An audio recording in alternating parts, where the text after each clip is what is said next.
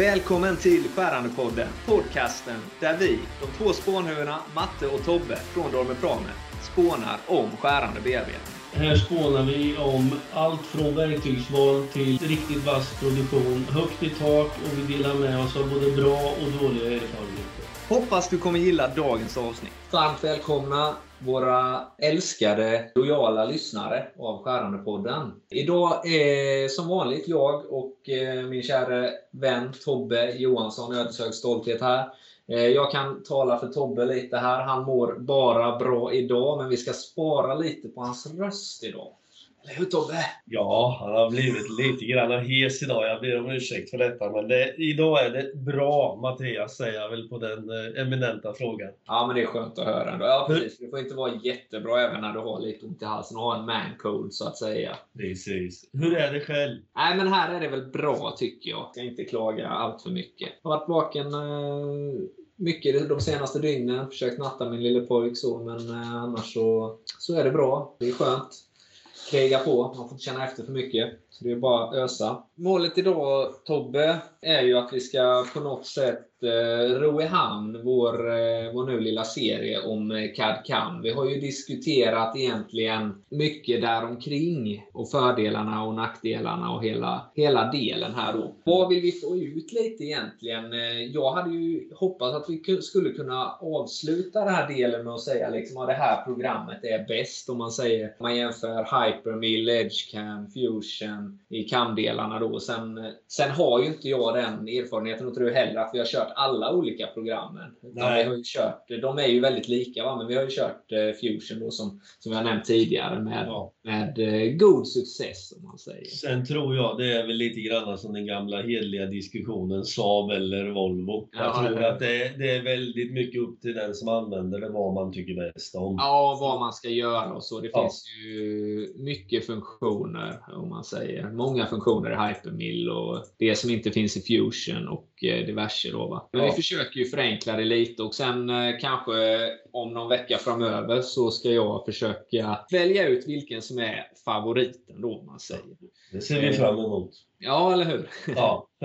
Men vi har ju egentligen förklarat ut grunderna lite och hur man då kan bearbeta med MG-koder, ISO-programmering och med Mm. fasta cykler och så. Va? Sen så är ju CAD då själva designdelen. Där kan, det kan man göra med många olika varianter av program. Katia, och Autodesk och den biten med. Ju. Men det är ju som du säger, det är ju, man behöver ju inte säga CADda. Man kan ju bara rita upp programmet. Säg vad det är istället för att slänga sig med sådana där eh, moderna saker. ja, jag menar det. Tänk Så på mig som är gammal. Ja, precis. Det ska Ja. jag absolut göra. Jag måste bara säga, var det någon särskild person du ville passa den här? Du delade en grej där på, på LinkedIn, tror jag det var, med, med någon som eh, spelade pingis. Då var det ju en eh, erfarenhet slår eh, ungdom, eller vad det var. jag Nej, vet inte det- jag skulle känna mig... Nej, det, det, var väl, e- det var väl egentligen bara en allmän reflektion på hur det ser ut lite grann i de flesta Ja. fall. Liksom.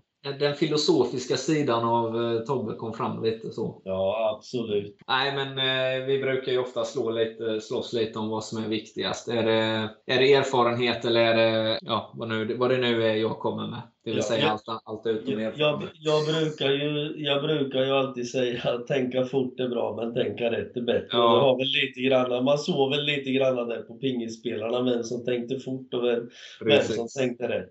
Så är det. Så är det. Men för att inte tänka för mycket utanför banan då, så får vi väl hålla oss till ämnet lite här. För egentligen att eh, sy ihop den här eh, serien med CAD CAM så vill jag väl egentligen dra vad är nyckeln? Varför är det så populärt? Vad kan man göra? Eller vad är själva... Varför är det så populärt? Mer än att det är lite coolt och lite high-tech och sådär. va? Jag skulle vilja säga att den stora vinsten ligger i simuleringen. Det är ju det som liksom når ut till den breda massan om man säger. Anledningen är ju att man kan egentligen få ut all information redan innan man börjar man kan i princip förutse hur pass lyckat det här eh, företaget du kanske har startat kommer att gå. Eh, du Mm. kan räkna ut det i tidigt stadie innan du Mm. investerar för mycket och göra rätt investeringar på det sättet. Ja, Och, det, det, eh, går, det går ju faktiskt att driva det så långt så att man vid, alltså ett, ett maskin, om man står inför ett nytt maskinköp kan man ju egentligen avgöra hur stor maskin, hur effektiv behöver jag ha för att tillverka de här detaljerna genom att man kör dem i sitt CAD-CAM och simulerar dem så att säga. Då ser man ju vad som går åt. Givetvis. Ja, men det är precis så du säger. Och jag menar, det om man eh, försöker hitta lite vad ska jag köpa för maskin. Va? En maskin kan ju kosta allt ifrån... Ja, du kan ju finna jättebra begagnade maskiner på exempelvis Så- Industritorget eller något annat. Då, va? Mm. Och så kan du ju köpa dem. Det finns ju ingen övre gräns som man säger. 20-25 miljoner kan de ju kosta i vissa fall. Eh, Då Mm. får man ju hur mycket som helst. Va? Men det är ju lite där, hur långt är ett snöre? Och vad ska man Precis. göra? Vill du tillverka oändliga serier och så, visst, då krävs det ju mycket. Det är, man är ju aldrig ensam om det. Men man får ju börja i liten skala. Mm, eh, mm. Om man är ny på det. Precis. Och eh, alltid just ja, utnyttja de här simuleringsfunktionerna som nu idag inte kostar mycket pengar. Utan eh, de finns ju där för att alla innovativa, alla människor som vill någonting har möjlighet att kontrollera innan man investerar allt sitt levebröd i, Mm. i sitt projekt. Liksom. Och det märker man ju på den småländska landsbygden inte minst. Det finns ju otroligt många fina företag där och den ena är klurigare, klurigare än den andra. Och det är ju det som får, får samhället framåt. Mm. Sen får man ju vara ärlig mot sig själv och säga jag är ju inte särskilt erfaren vad det gäller CAD-CAM-system och de bitarna för det är ju ingenting jag har använt i någon utsträckning så att säga utan det var ju ISO-programmering som gällde.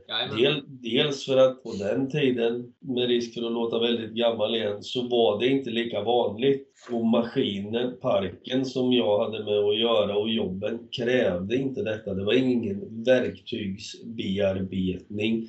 Det var inte de här jättekomplexa detaljerna utan det räckte gott och väl med att ISO-programmera. Det gör det ju idag med, men det kanske är en helt annan konkurrens idag än vad det Ja. var på din tid. Eh, Man behöver nästan ha det även på, ja, inte på de allra enklaste detaljerna givetvis, men du har ju en möjlighet nu att kunna göra, som, som vi har pratat om nu, då, de här simuleringarna och jämförelserna på en väldigt basic nivå då kanske och Ja. kunna pressa saker och ting till sin spets lite ytterligare. Precis. Och många, många ställen är det upplagt på det viset att det sitter produktionstekniker på ett ställe och det står andra människor i maskinerna och kör. Jajamän. Och, och produktionsteknikern han väljer att göra allting i sitt CAD-CAM-system, även alltså de, där, ner till de enklaste svetsfaser egentligen. För han kan i det fallet plocka upp hur många skruvstycken ska jag ha i en maskin, hur många ska vi göra samtidigt. Precis. Går, går man till en annan bild, den världen jag kommer ifrån så att säga, där man hade en maskin, massor med olika jobb, korta serier, då blir det bara tidsödande att gå upp och sätta sig och kadda upp en sån sak som enkla svetsfaser och grejer. Då sätter Ja, du upp det, sen kör du det i maskin. Och i det fallet, då är det ju nästan direkt olämpligt med CAD-CAM-förfarande så att säga för att göra jobbet. Men ser du till ditt scenario där så är det ju klart mycket bättre. Ja, men visst absolut. Det finns ju för och nackdelar med det. Och det, ja, alltså det finns ju precis som du säger tillfällen då det kanske är direkt olämpligt att göra upp en ritning va? eller Ja. simulera en verktygsbana. Så, va? Vissa saker är ju fortfarande handarbete som inte behöver detta riktigt om man säger då. Båda sidor måste ju finnas så att säga. Ja, helt klart. Man ska inte, vi ska inte snurra in oss eh, helt på detta. Va? För vissa, vissa tänker ju kanske att ja, ska jag behöva, bara för att jag ska svarva till en liten axel eller fixa till en yta eller vad det nu ens kan vara. Va? Då ska man inte behöva kunna programmera. Eh, Men som jag sagt tidigare, det krävs inte så mycket för att kunna det här med CAD-CAM idag. Nu är inte varken du eller jag den överjävligaste eh, kaddaren eller kammaren då. Men i alla fall jag trycker ju på lite här nu i alla fall och eh, lär mig mer och mer och ser fördelar och nackdelar med det. Främst fördelar då, eller i princip Ja, bara fördelar. Men du ser ju nackdelar också. Eh, också där ser vi också en skillnad mellan ungdom och eh, ja, rutin eller erfarenhet då. Ja, säga det, ja, alltså om man säger så här, jag går ju tillbaka till hur det såg ut när man stod och körde och verkligheten där var ju att vi hade inget CAD-CAM-system och då körde man utan. Hade vi haft det så hade vi garanterat gjort väldigt mycket saker på ett annat vis. Vi hade ju en del detaljer där jag kan se tillbaka idag och tänka vad skönt det hade varit att ha ett CAD-system. För alltså du hade ganska många långa olika verktyg som skulle in i en trång liten maskin och bearbeta den här detaljen. Det hade varit jätteskönt att kunna simulera alla kollisionsrisker och vilken väg ska jag ta och hur ska jag göra verktygsbanan. Amen. Det här fick man ju köra på try and error. Man fick ju köra av ett gäng verktyg och testa sig fram. Oj då, där var det inte lämpligt att vända eller göra si eller så.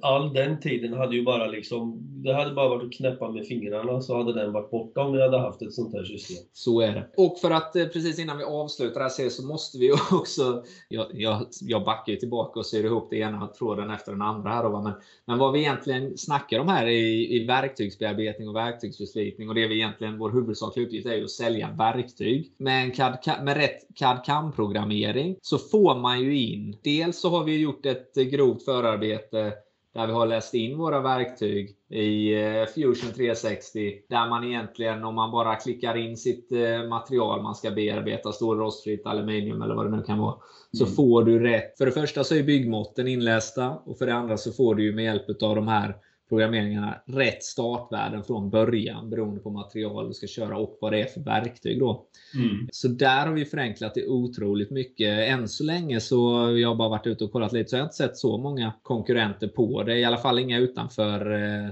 Sandvik-gruppen då eh, mm. har jag sett. Men eh, vi, så vi ligger rätt så bra till där. Eh, mm.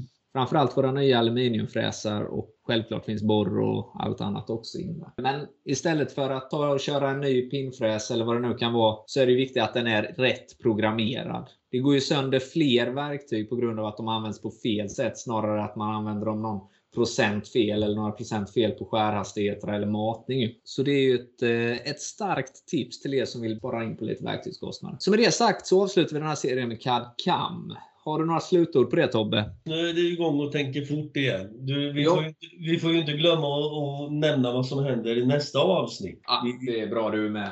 Ja, vi, vi ska ju faktiskt eh, ta en sån här intervju igen med nästa vinnare i SM i NC-teknik. Ja, det är ju skönt att vi får lite, lite fler input från yngre förmågor här. Förra avsnittet med Maria, eller för ett par veckor sedan, var ju fantastiskt roligt. Och framtiden känns ju som att den ser ljus Nästan är räddad. Ja, nästan ja. är räddad. Missa inte nästa avsnitt med Alexander. Absolut. Ha det bra. Hej. Ett stort tack till dig som har lyssnat på vår skärande podd idag där vi som vanligt har spånat vidare om verktyg och produktionsteknik, erfarenheter av alla slag. Och vill du fortsätta att spåna med oss så joina gärna våra forum på Facebook, gruppen Skärande bearbetning, där spåntagningen aldrig tar slut. Har du njutit av dagens avsnitt, låt det synas med en liten like, en liten kommentar eller med en liten review. Ha det gott så hörs vi nästa gång. Ha det bra så hörs vi vidare.